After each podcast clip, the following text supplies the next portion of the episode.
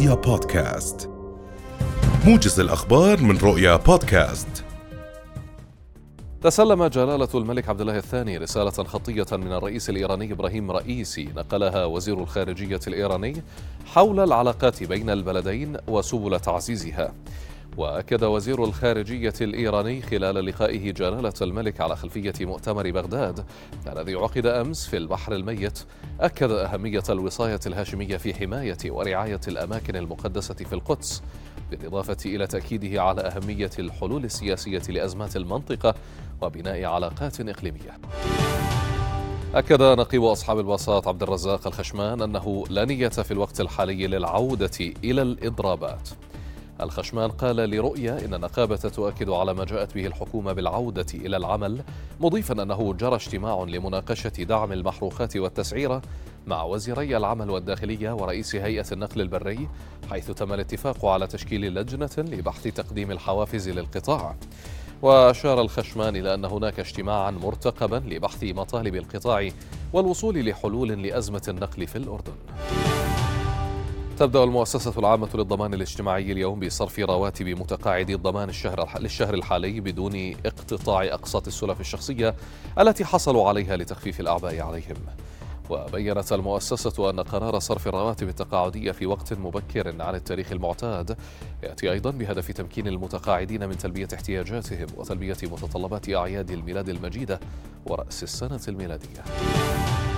قرر وزير جيش الاحتلال الإسرائيلي بني جانتس عدم تسليم جثمان الشهيد الأسير ناصر أبو حميد أو أبو حميد لعائلته.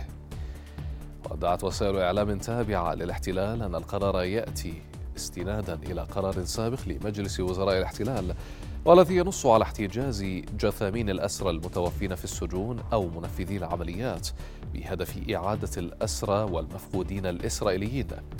وكان الأسير ناصر أبو حميد قد استشهد في سجون الاحتلال أمس بسبب الإهمال الطبي. يزور الرئيس الأوكراني فلاديمير زيلينسكي واشنطن اليوم في أول رحلة خارجية له منذ بدء العملية العسكرية الروسية في شباط الماضي. وأفادت وسائل إعلام أمريكية بأن زيلينسكي سيزور البيت الأبيض حيث يعتزم الرئيس جو بايدن الإعلان عن حزمة أسلحة جديدة لكييف. تشمل لأول مرة صواريخ باتريوت مشيرة إلى أن الرئيس الأوكراني قد يلقي أيضا خطابا أمام الكونغرس الأمريكي.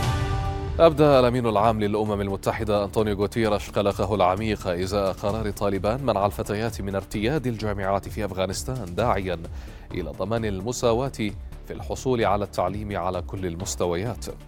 المتحدث باسم غوتيرش قال إن الأمين العام يجدد التأكيد على أن الحرمان من التعليم لا ينتهك المساواة في حقوق النساء والفتيات فحسب بل سيكون له أثر مدمر على مستقبل البلاد.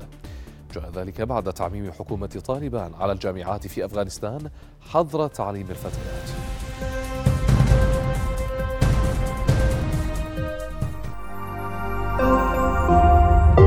رؤيا بودكاست.